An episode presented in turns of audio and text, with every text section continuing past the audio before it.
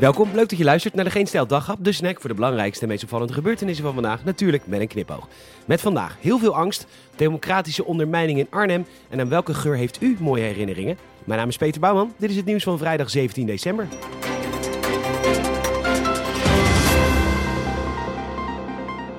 Ze reageren altijd te laat in Den Haag. Te laat prikken, te laat sluiten, te laat boosteren.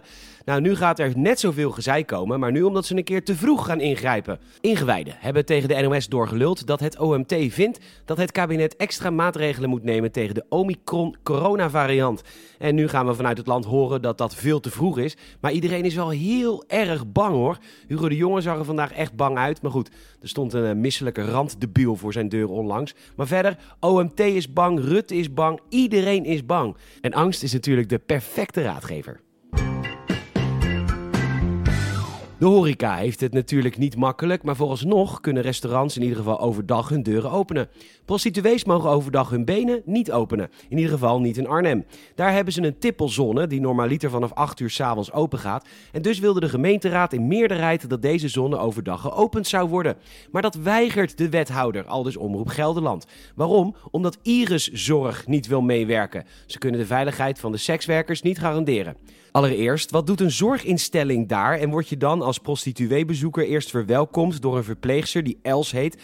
En Els die lust wel een carbonaatje, maar is verder echt wel een opgeruimd type hoor. Leuke slag in haar haar, dikke lippenstift op. Type Catharine Keil. En zij wijst je nog even op alle risico's van onveilige seks en dat je toch echt je respectievelijke bef en mondlapje moet gebruiken om de verspreiding van respectievelijk SOA's en corona tegen te gaan. Ja, nou, dan mag je met slappe pik doorrijden naar het tweede raam. Daar mag je afrekenen. Bij Paul van Irenzorg. Paul heeft jarenlang in de bouw gezeten, kreeg last van artrose, dus dat kan niet meer. En nu rekent hij dus prostitueebezoekers af. En dat doet hij eigenlijk altijd met een glimlach en een grapje. Hallo meneer, leuk dat u er bent. Maakt u het niet al te lang, want u moet per kwartier betalen. Hoe lang denkt u het vol te houden? Oh nee, wacht even. Even inschatten. Ja, u bent van de marathon, niet van de sprint. Een uurtje doen. en dan mag je met een pik, nou ja, pik noem je het niet. Het is inmiddels een leeggelopen ballon met twee rozijnen eronder. Dan mag je je voor het eerst gaan melden bij Svetlana. Maar goed, dan ben je eerst drie kwartier bezig om Els en Paul te vergeten. Maar goed, wees dus maar blij dat het dicht blijft. Al moet gezegd worden dat de wethouder een in meerderheid genomen democratisch besluit niet uitvoert. Maar goed, soms die je de bevolking in bescherming te nemen tegen zichzelf en tegen Iriszorg.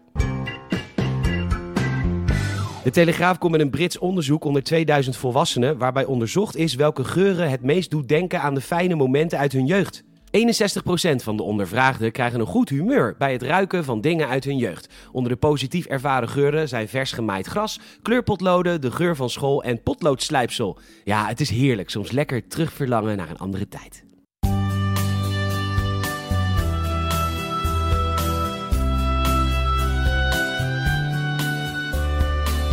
Ik ruik nog dagelijks het stront toen ik gegooid werd op de grond door wat jongens in de klas. En de geur en smaak van bloed, ja dat weet ik nog heel goed, toen mijn oom boos op me was. Ik ruik nog steeds de geur van school, daar riepen ze massaal mogol. God, wat heb ik toen geleden. Maar ja, die tijd is nu voorbij en mijn jeugdvrienden allebei zijn al tien jaar overleden. Toen ik langs het tuinpad van mijn vader op mijn eigen verse bloed ging staan. Ik was een kind en wist al zeker, die kankerleiers gaan eraan. Vanaf 1 januari wordt de stroomstoothalsband bij honden verboden. Hm, raar, want, zo zegt de Rijksoverheid, stroomstoten bij honden kunnen leiden tot angst, stress, agressiviteit, fobie en blijvende aantasting van de vertrouwensband tussen eigenaar en hond. Joh, zou je denken? 20 tot 25 datacenters, of nou ja, 20 tot 25 plannen voor vestiging of uitbreiding liggen er nu. Goed voor ongeveer 10% van de Nederlandse elektriciteitsvraag. Gelukkig komen de twee kerncentrales, die samen verantwoordelijk zijn voor ongeveer 15% van de elektriciteitsvraag, hoorde ik vandaag bij nu.nl. En daar gaan natuurlijk heel veel mensen tegen zijn. Maar ja. Toevallig heb ik onlangs de nieuwe 8K Sony Bravia TV's gezien. En ik moet zeggen, een aflevering Game of Thrones in een 8K resolutie Ja, dat is echt super mooi. Jamie Lannister is nog geiler, Brienne of Tarth nog potiger en de Red Wedding nog roder.